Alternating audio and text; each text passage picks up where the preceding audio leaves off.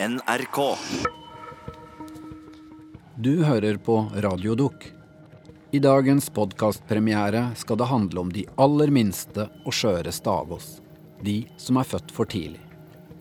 Vitenskapens framskritt gjør at grensene for hvor tidlig fødte barn som klarer å overleve, har blitt flyttet. Men faren for komplikasjoner kan være stor. De etiske vurderingene er vanskelige for leger og foreldre. Her er dokumentaren 'De minste blant oss' av Karen Brotshaug Sveen.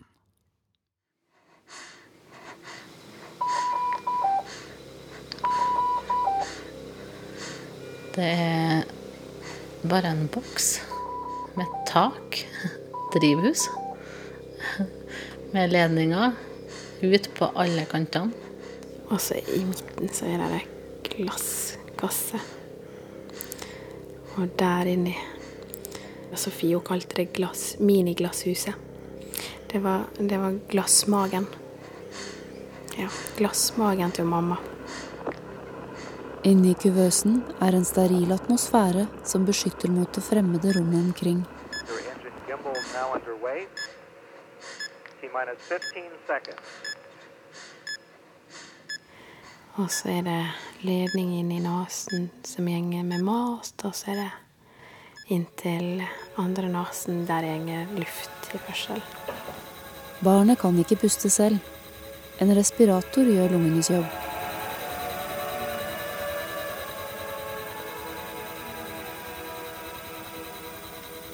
Født etter bare 24 uker og på vei ut i grenselandet hvor liv knapt er mulig. Du ser egentlig nesten ikke ungen inni der, for det, den er så liten. At de er så skjøre. En liten astronaut i en romkapsel 12, 11, 10, 9. Ignition sequence start.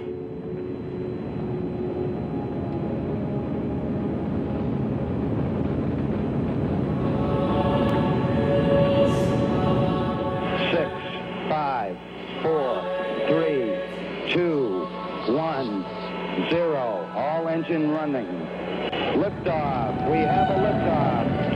Tower clear. We got a roll program. One Bravo.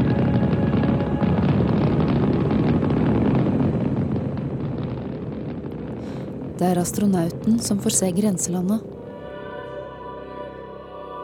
På vegne av menneskene og vitenskapen oppdager han nytt land, og grensene for det mulige flyttes.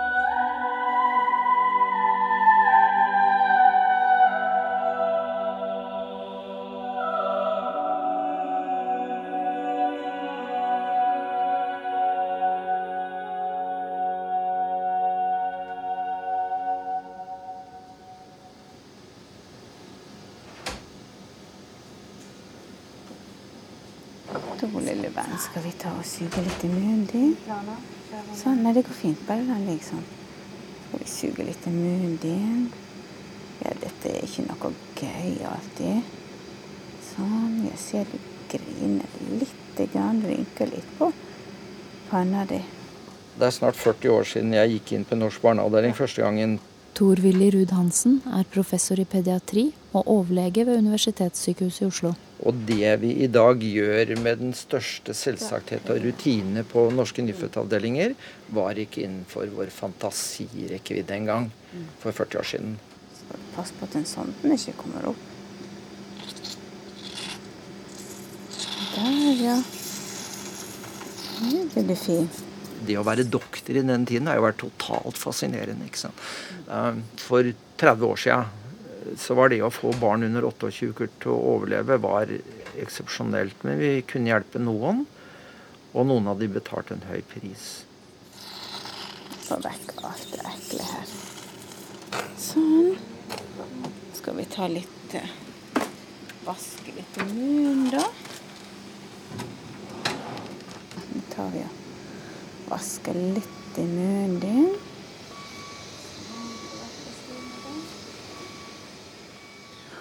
Tidligere så døde jo disse barna. Fordi vi hadde ikke noe tilbud til dem. Egil Eide er hovedprest på Oslo universitetssykehus. Men så har forskningen gått videre, og en har funnet ulike metoder. Men eh, jeg pleier å si at eh, det har òg en pris. At det er disse som vi da driver og behandler på i håp om å redde de. Og så greier du ikke, men når en holder på lenge nok, så er det en eller annen som finner ut noen, en ny vei å gå. Altså skal en oppdage nye ting, så må en jo gå ukjent mark.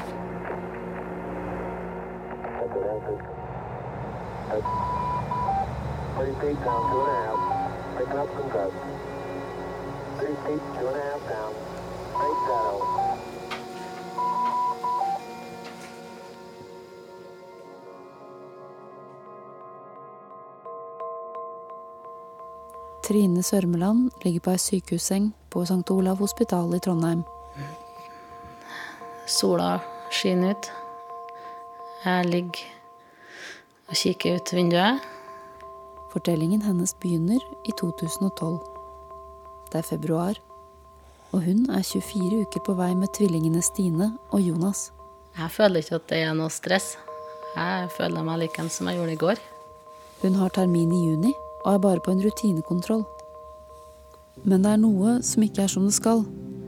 Ja, vi får beskjed fra legen at uh, fødselen blir i dag. Du har ikke noe valg. De her kommer ut uansett. Nå er det ikke noe vei tilbake. Um, de sier unger som blir født 24-6, har 50% for å overleve to første døgn. Var en helt apatisk følelse. Ikke kunne du glede deg til at de skulle komme ut. Ikke kunne du ta sorgene på forskudd, for det kunne jo gå bra òg. Mirakel skjer. Og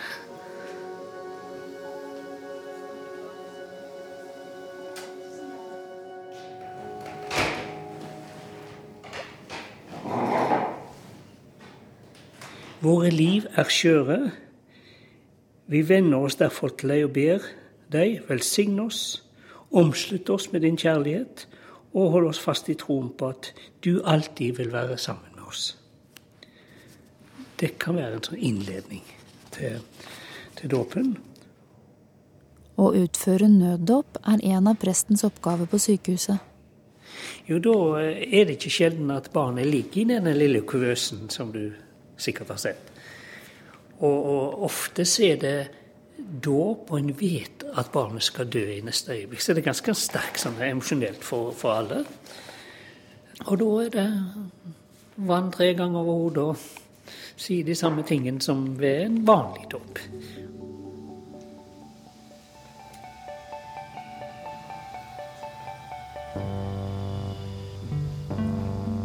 Jeg får beskjed om at nå, nå, han, nå må vi ta han. Nå må vi føde. Eh, jordmora stikker hull på vannposen til Jonas, og jeg presser en gang. Og der kom han som en prosjektil mellom hendene på dem. Han fikk fanget han opp. Så ble bare rett i kuvøsa med han. Så Stine kom ikke ut, så hun ble akutt keisersnitt på. Og da husker ikke jeg så mye mer. Annet enn at jeg fikk beskjed om å, å ta av meg ringen. Siste jeg husker. Så ble det svart.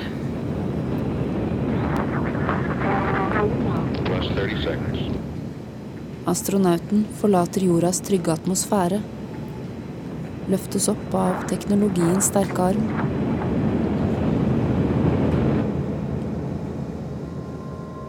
Holdes svevende. Men fortsatt begrensa av kroppens krav. Trenger luft. Trenger vann.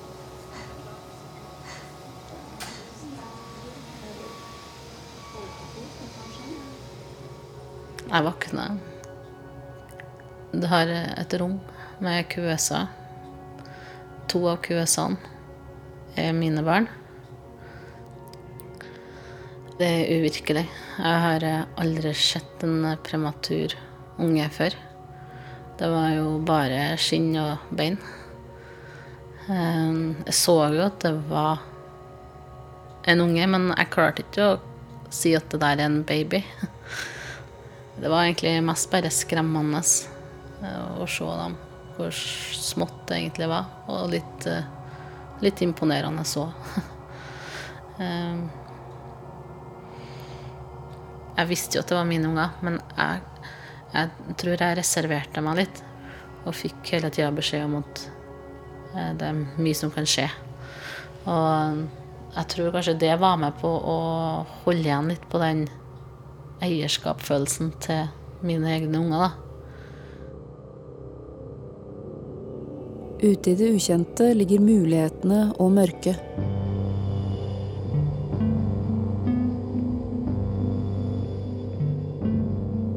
Det tiltrekker og skremmer. Er det mulig å reise lenger ut?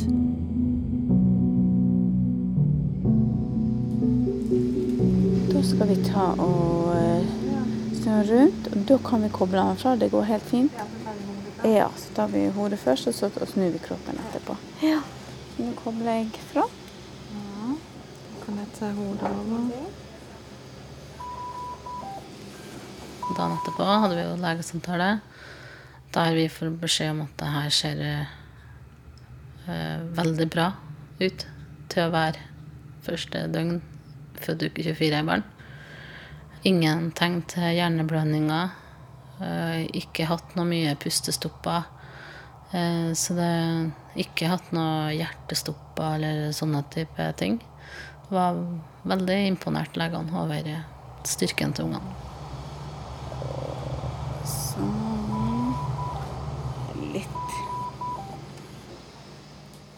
Vanligvis er jeg i veldig god form når jeg er gravid. Men jeg kjente etter veldig kort tid at jeg var i Kjente meg i dårlig form. Jeg følte på en måte at det, alt var tungt. Utenfor Ålesund bor Malin Dyb Gill med familien sin. Hun er 22 uker på vei i svangerskapet, og det er fire måneder igjen til normal termin. Og vi kom inn på sykehuset, og de tar alle undersøkelser, ultralyd, og alt er i skjønneste orden. Men så tar de en, en um, underlivsundersøkelse bare for å sjekke om det kunne vært en urinveisinfeksjon. Og der stikker det da en fot ut. Og du ser legen sitt ansikt bare blir helt gråblått. Og du skjønner at OK, det er, det er så gale som du, din verste frykt er. Og så kommer alarmene. Om barnet blir født nå, har det små sjanser. Uke 22 er et grenseland. Liv kan være mulig. Senabort er lov. Samtidig er det mulig å hjelpe noen barn til å overleve. Men hvis barn overlever, er faren stor for varige skader. Før uke 24 skal legene sammen med foreldrene bestemme om barnet skal få livreddende behandling.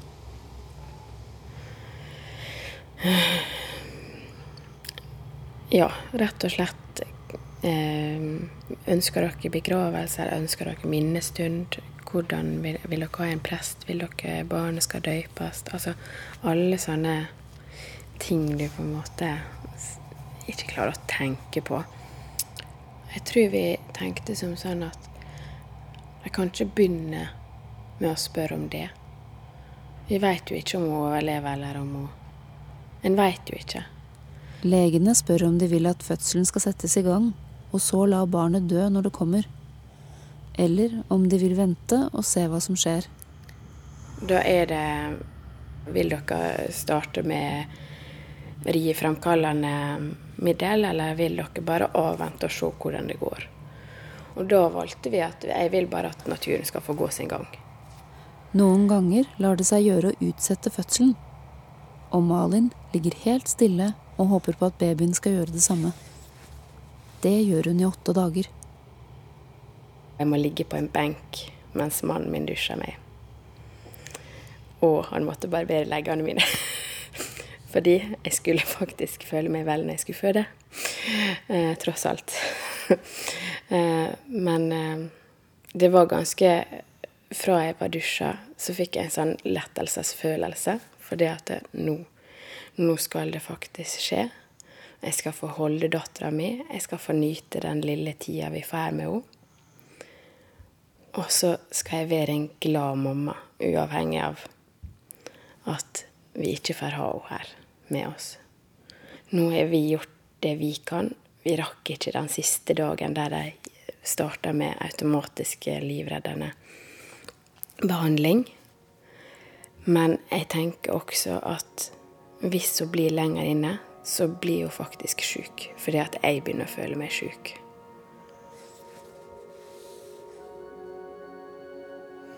Det finnes ikke på dag én av livet noen mulighet til å forutsi hvem som greier seg helt strålende, hvem som dør, og hvem som overlever med betaler en tung pris for det. Vi har ingen overhodet noen redskaper som gjør at vi kan se på det barnet nettopp ut av mors liv og si sånn blir det. Da hadde kanskje livet vært lettere. Ja. Men vi har ikke noen sånne redskaper. Likevel må legene bestemme hvem det er riktig å prøve å redde. Hvorfor ikke redde alle?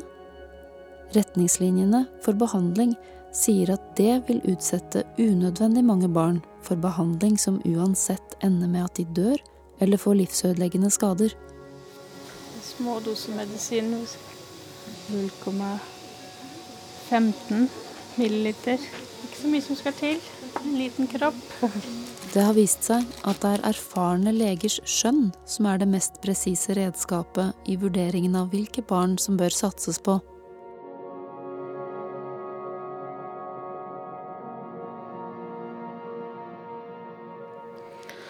Det gikk eh, ganske likt med dem begge to de første 14 dagene.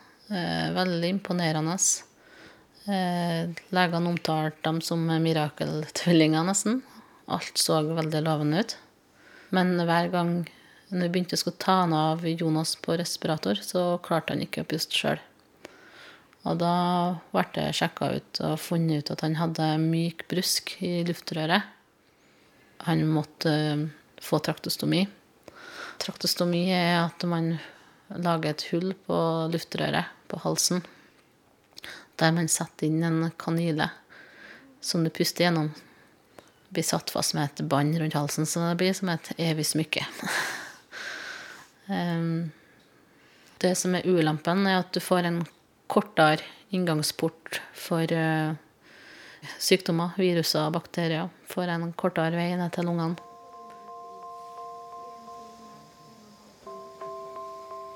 Jeg, jeg følte meg veldig sterk under hele prosessen. Men likevel så visste jeg at jeg, uh, blir hun født sånn som hun ligger nå, så må en på en måte forvente at hodet vil sitte fast.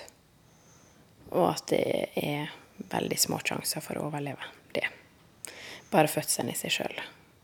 Så jeg var nok mest forberedt på å få et dødt barn. Det blei det som blei. Så hvis hun skulle overleve, så måtte hun ha ved til å snu seg. Men jeg likte å tro at det kunne skje. Mirakel skjer hver dag. Jeg ble veldig overraska når de sa liksom under hele fødselen, for de drev jo og målte fosterlyden. Og de hele tida sa at eh, hjertet var sterkt. Hjertet er så sterkt. Det dunker sterkt. Det er god fosterlyd fortsatt. Det er god fosterlyd fortsatt. Og da kjente jeg den der nå OK, dette her nå Vi klarer dette, Eiril. Dette her nå klarer vi. Altså, da fikk jeg en sånn der nå Jeg fikk et håp.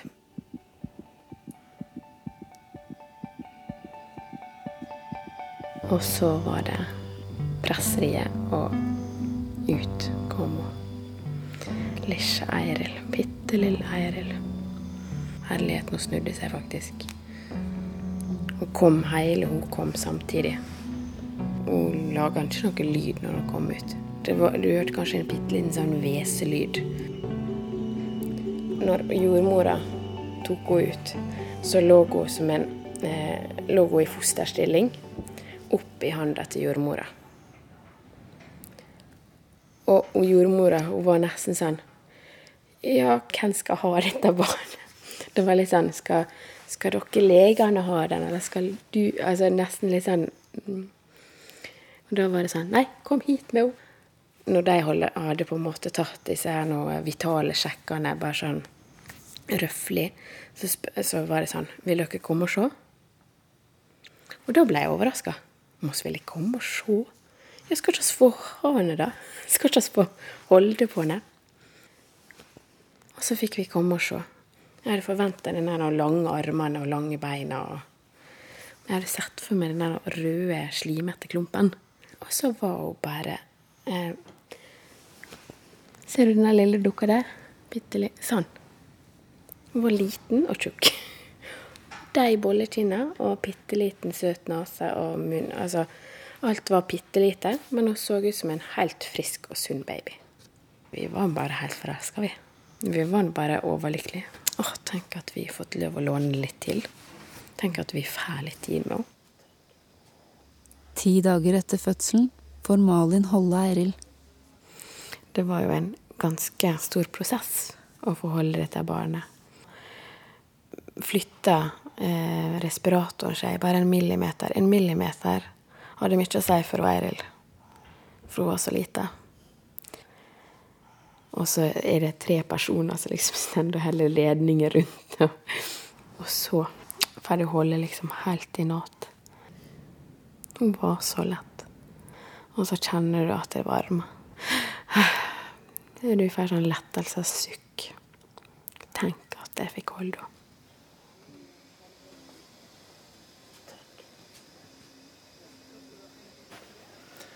Det ligger faktisk i moderne medisins karakter og selvopplevde identitet å flytte grenser.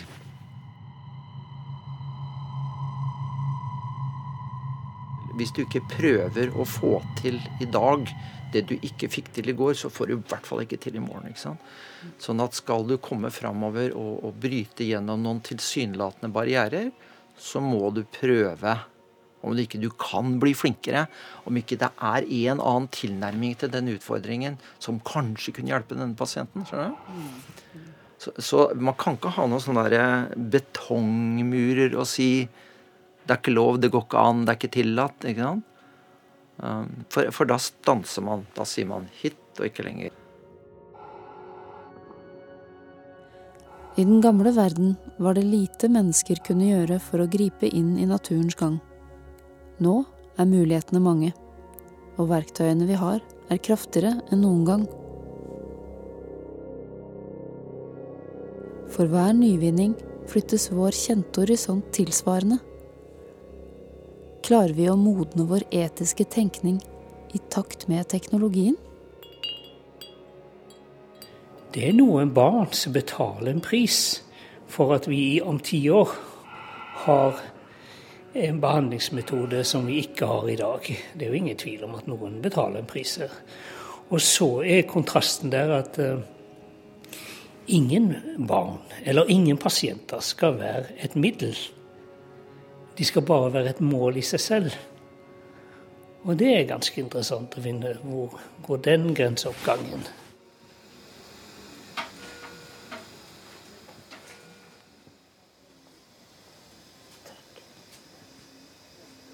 Vi ana ikke at det kom. Eh, kanskje var, hadde vi vært litt naive. Eh, han tok en MR av hodet noen uker før vi skulle reise hjem. Den visste at han hadde utvikla en hjerneskade. Det var et skikkelig slag i trynet etter et år med positiv tenking. Men eh, vi skulle jo tross alt få han med oss hjem akkurat da òg, så vi måtte jo prøve å Prøve å holde den skuffelsen i sjakk. Jonas har vært ett år på sykehuset. Nå skulle han hjem. Vi begynte å gjøre klart for at han skal komme hjem. Satte opp senga hans, innreda soverommet til å skulle passe til å, å ha alt medisinsk utstyr. Og vi måtte ha ekstra strøm. og Vi måtte ha en maskin som produserer oksygen inne i huset. Hele huset ble jo gjort om til en institusjon. Jonas eh, tror jeg kosa seg kjempemye med å få komme hjem. Og ha Stine som tvillingsøstera som klatrer opp han og gir han litt juling og nusser han litt. Og han, han var en unge som elska folk. Han uh, kunne jo smile ja, smile rundt. um, å få han hjem, det var noe som var veldig etterlengta. Stine hadde allerede vært hjemme en stund. Hun var frisk nok til å reise hjem fra sykehuset etter bare tre og en halv måned. Når du har traktostomi, så må du ha døgnovervåkning. Eh, det, hvis han river ut den kanillen, så kan han kvele og, og, og ikke få puste. Og da måtte vi flere ganger gjenopplive han og presse luft ned.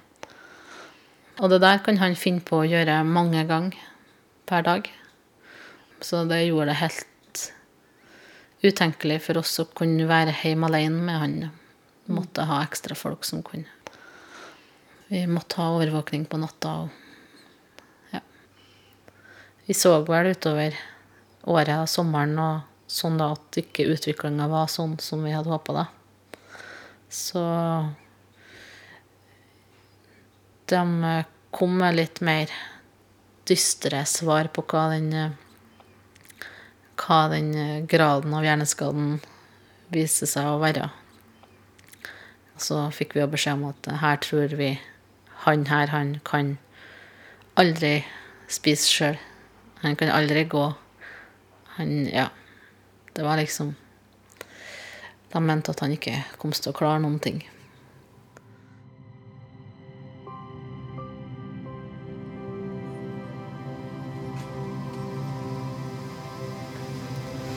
Det er veldig fin åre, det der også. Men det føles også fin ut når du Når du bare tar den av? Ja, det er det. Ser jeg etter en blodåre som er litt større enn de andre. Det går fint å stikke, det kommer blod ut, men så sprekker den, for de er så tynne. Det er umulig å si hvem som vil få varige skader av den tøffe starten. Noen blir friske, men ca. 20% av barna som ble født før uke 28, får større funksjonshemninger. En kan av og til spørre seg hva er det vi redder de til? Er det til en eksistensform? Når vi setter i gang eh, noen behandlinger der vi ser at eh, jo, vi lykkes å holde liv i de. Men hva liv er det vi gir de? Tilbyr de? Med tanke på at vi har påført de en svær hjerneskade der vi er usikre på hvor mye de oppfatter denne verden og får med seg.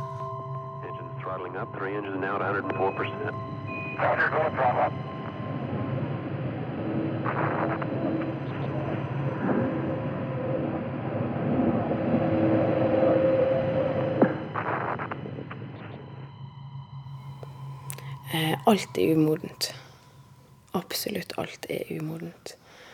Hjernen er umoden. Alle organ er umodent. Og det er ikke alltid, sjøl med den teknologien vi har i dag, så er ikke det alt de klarer å gjøre noe med. Og Eiril hadde flere hjerneblødninger, små vel å merke. Og de var i grad 1 og 2. Mot slutten av Eirils første uke går alarmene hele tida. Det ene øyeblikket er det problemer med lungene, det neste går ikke hjertet som det skal, eller nyrefunksjonen svikter. Du vil ikke at barnet ditt skal lide. På et punkt så må en på en måte Så må en tørre å spørre både seg sjøl og legene hva er de, hva du, hvordan ville du vurdert denne situasjonen? Jeg har spurt to ganger. Er det nå vi bør avslutte behandling? Men når, det du spør det spørsmålet, så åpner du en en dør som er vanskelig å lukke igjen. Hvis du får et svar du ikke ønsker. For får du det svaret du ikke ønsker, hvordan skal du takle det? Han hadde noen runder der han gikk gikk etter brystet, slutta å puste. Så vi hadde flere akutturer med ambulanse inn til sykehuset. Så fikk vi en, eh, et lengre opphold fra oktober til desember. Seks uker lå vi inn på sykehuset. Og da hadde Jonas eh, lungebetennelse, så da havna han i respirator i en lengre periode, da. Og når han havner på respirator, så får han ikke å røre seg så mye. Og så blir han eh, veldig urolig. Og da blir han dopa ned. Og da, når de skal prøve å fjerne dop igjen, så får han abstinenser. Og da ser det ut som han har det ganske fælt. Og det var det de på sykehuset så. Og da kom de med lege og leder for intensiv og prest, der de begynner å forberede oss på at det her ser dårligere ut enn de hadde trodd. Trine og mannen hennes blir kalt inn til et møte på intensivavdelingen. Utsiktene for Jonas er dårligere enn forventa.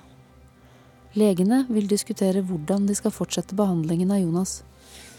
Det er et dårlig møte. Eh, dårlig kommunikasjon. Eh, legene sitter og synes det er kjempefælt. Og skal prøve å si det på en sånn måte at vi skal forstå det. Ser dere ikke noe, da? Nå har han ligget her i fire uker. Og han har det vondt og er utilpass. Ser dere ikke det? jo, men hadde, hadde en annen unge på to år kommet til å ligge i den sykehussenga og vært fornøyd? Nei, jeg tror ikke det. Jeg tror ikke hun klarte å holde søstera i den sykehussenga i, i fire uker. Uten at hun har vært særdeles misfornøyd og kom til å skrekke hele tida. Eh, vi blir litt eh, overraska. Sitter de og sier at, at uh, vi skal slå av respiratoren til Jonas?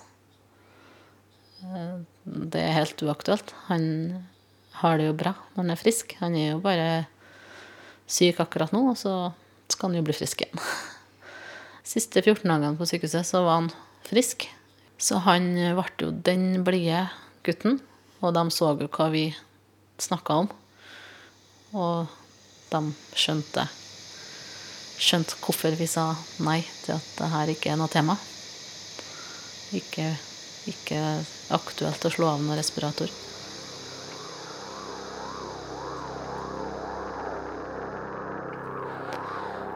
Vi kommer hjem starten på desember. Vi baker pepperkaker og har førjulstid. Vi feirer julaften for første gang med begge ungene hjemme. Jonas og Stine er snart to år nå.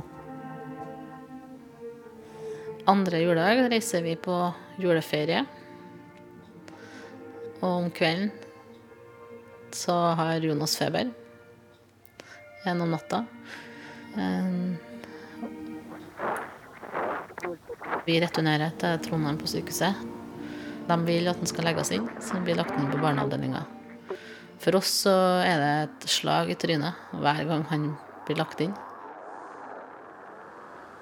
Får vi de samme spørsmålene som vi fikk sist. Ubehagelige spørsmålene om er det her livet verdt å leve?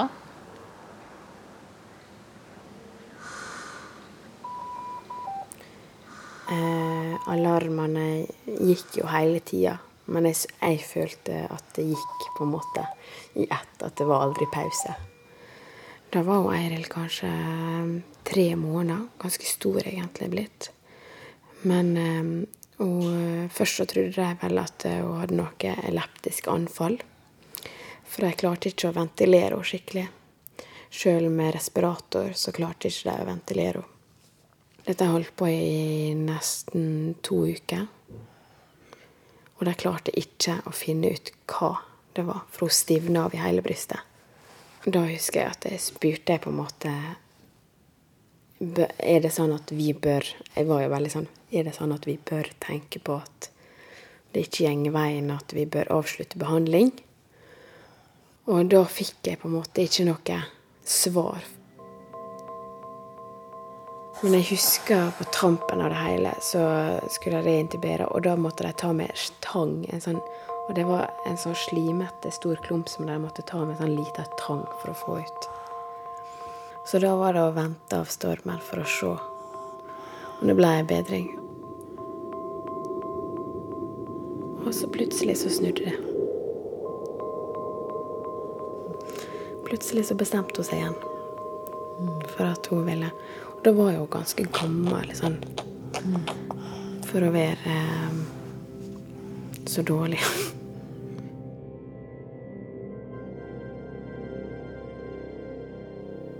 Det var ikke før eh, første nyttårsdag at eh, det begynte å bli alvorlig. Hun responderte ikke på den hjelpa de ga med forskjellige respiratorstøtter. Og da, da er han borte, og legene prøver febrilsk alle triks de har i ermet. Så jeg skjønte om kvelden når jeg kjørte hjem, så var søstera mi med. Og da skjønte jeg at det her ikke kom til å gå. De prøver å sove noen timer før de reiser tilbake til sykehuset for å være hos Jonas. Vi kom på sykehuset i åttetida om morgenen. Um, så sa jeg til lederen for barneintensiv at eh, jeg tror vi ordner med dåp. Og da, da, ringte jeg til foreldrene mine og, og, sånn, og, fortalte at vi tenkte å ha dåp. da. Og at uh, det så litt dårlig ut, utsiktene. Men uh, det siste døgnet så var det utrolig mye stikking, og de begynte å skulle legge inn sånn venekateter for å slippe å være på stikk hele tida. Og, sånn, og da ble det litt sånn her Nå prøver vi alt mulig, og nå kutter vi noe her og der. Og, og han sjøl var jo ikke til stede. Han var jo ned nedoppa, bort. Da fikk jeg den følelsen av at uh, nå, nå er han den nåleputa. At han er, er i livet her bare for å bli stukket og oppskåret. Så andre nyttårsdag, 2. januar, så Legene sto og skulle gjøre et lite inngrep på han. Og så syntes jeg det tok så lang tid, så gikk jeg bort til døra og kikka inn. Og der ser jeg at eh, hjertefrekvensen detter ned. Og de begynner å skal gjenopplive han. Skal jeg stå og se på, eller skal jeg springe og hente samboeren min som sitter rundt hjørnet? Så fikk jeg noe tak i hånda, så, så sto vi og kikka på at de jobba og fikk den i gang igjen. Samtidig som pressen kommer sprengende med dåpsfatet. Så um, går hjertefrekvensen ned på nytt. Legene kikker på oss, og jeg kikker på dem, og vi har, vi har gjort alt vi kunne. Så nå, nå er det greit. Nå må han bare få slippe. Så jeg ser bare på legene og sier det er greit. Nå gjør ikke vi noe mer.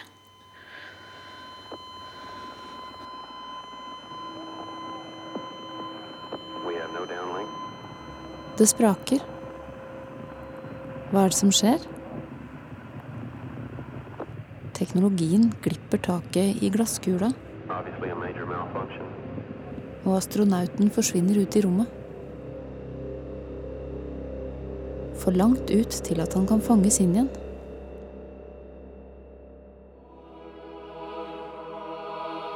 Astronauten er på vei mot en ny horisont.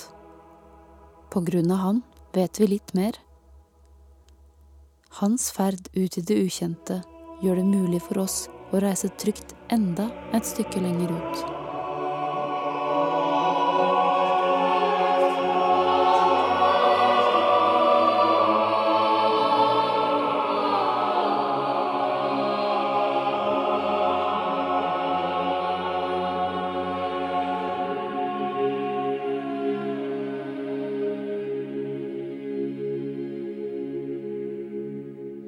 Husker egentlig nesten ikke dåpen. Men jeg husker at han kom springende. Han hadde et fat, og eh, svigerfaren min hadde rukket å komme fra jobb. Eh, så vi var tre stykker familiemedlemmer til stede. Og gjorde noe korsets tegn og sånne ting. Så sto vi bare på sida. Så det var ja, det var litt Det var litt rart. Dåpen ble bare for å, å ha døpt. Min, mitt fokus var at han faktisk lå der og døde akkurat samtidig. Og vi fikk spørsmål om vi ville holde han mens han døde, men han hadde jo ledninger i alle. Så jeg følte bare at han måtte bare få være i fred. Jeg følte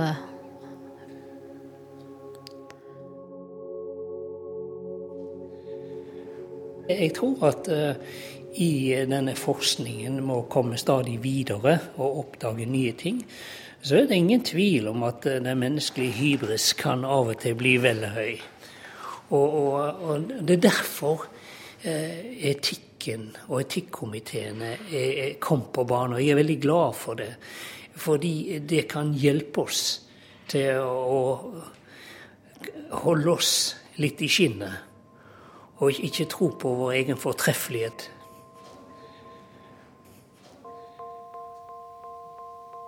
Eh, fem måneder, nesten et halvår, ble vi der. Tida på sykehuset kan bli lang for for tidlig fødte. Mange må gjennom flere operasjoner og trenger å bli sterke nok før de kan reise hjem. Og Eiril hun hadde jo ingen operasjoner. Og er jo, hun er jo unntaket. Ehm, men de fleste har jo både duktusoperert og operert en knapp, og de må legge inn eh, dren i begge lungene. Altså. Og det med Eiril så var det på tampen hele tida på alle disse tinga. Men også i siste liten så er det på en måte snudd. Plutselig. Altså, hun har på en måte vært unntak på så mange måter. Men så klart hvis de skal ha noen suksesshistorie, så må det på en måte være noen sånne unntak for at en på en måte skal kunne holde på og redde så små. Det må på en måte være disse solskinnshistoriene. Skal vi si hei?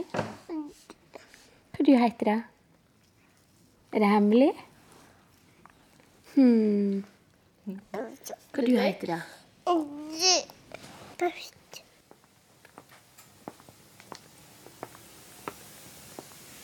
Her, her, hos oss på dette sykehuset så har vi ingen rigide grenser. Uh, for å si det sånn, vi prøver aldri å selge til foreldre behandling ved 22 uker fordi vi innser at vi foreløpig ikke er flinke til det. Vi øver oss og er nok blitt litt gradvis flinkere. Så vi har jo kunnet hjelpe noen 22 uker til å overleve. 21 eh, uker er definitivt eksperimentell medisin. Um, så vi har ikke gjort noe forsøk her hos oss på det.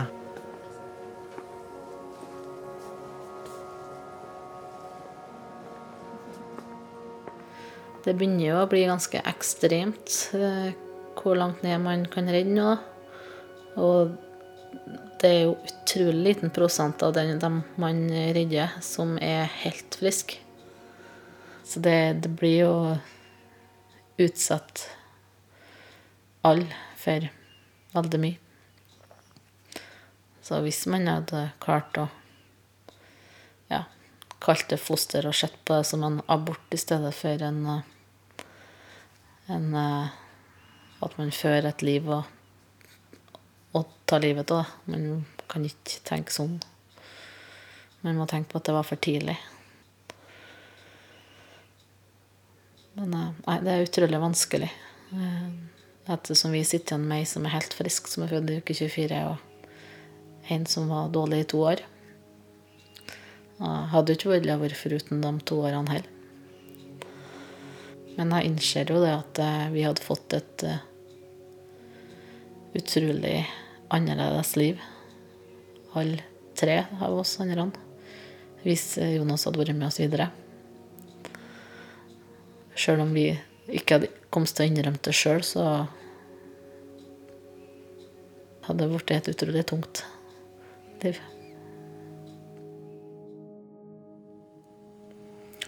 Noen har fokuset sitt i, stor, i større grad på de barna som betaler en tung pris for livet, og som overlever med store sekveler. Og de bærer de barna med seg i hjertet. Og så tenker de den der 'Det er min skyld, jeg skulle ikke gjort'. Ikke? Uh, og så tenker de å slippe et sånt liv må være bedre. Også de av oss som da tenker noe annerledes, tenker vel på de som faktisk er friske, og som har et liv som de har glede av. Så prisen, tenker da noen av oss, for å skåne de som overlever med stor funksjonshemning, er at de barna som kunne hatt et godt liv, ikke får leve. Det er, det er ikke lettere enn det, altså. Det er så forbasket vanskelig. Men det er, det er, vel sånn det er, at noen, noen har barnets beste i tanken når de ikke behandler, og noen av oss mener vi har barnets beste i tanken når vi behandler.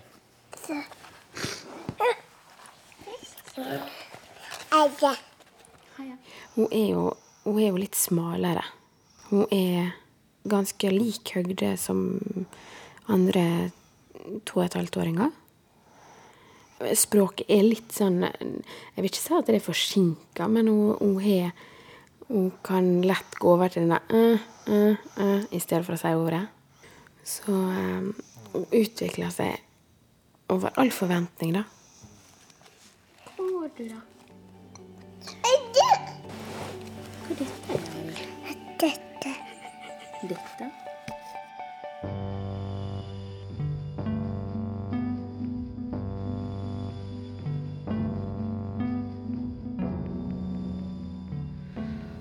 Alle folk reagerer jo på å se ei barnekiste. Det er helt, helt uvirkelig. Og Stine hun gikk frem og stilte seg attmed kista for å blitt tatt bilde av av seg sjøl. Som måtte være et kall. Det var helt, det var helt merkelig. Hun var jo bare to år. Men det var 10. januar. Det er en dag som man egentlig ikke husker, men samtidig aldri vil glemme. Så det var Det var snø. Og iskaldt. Men det passa bra. Vi kaller den Han er som en sommerfugl. da. Han er født i vinterland. Han er født i februar når han egentlig skulle være født i juni. Så han er liksom sommerfuglen vår i, i vinterland. Så vi har to sommerfugler på gravsteinen hans. ja.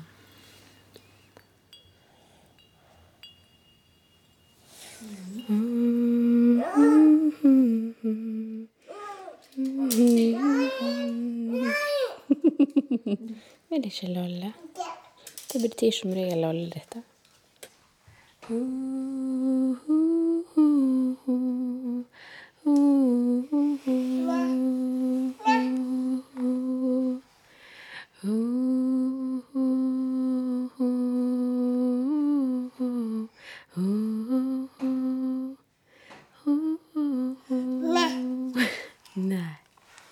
Sånn. Du vil ikke lage løs sove nå, skal du si?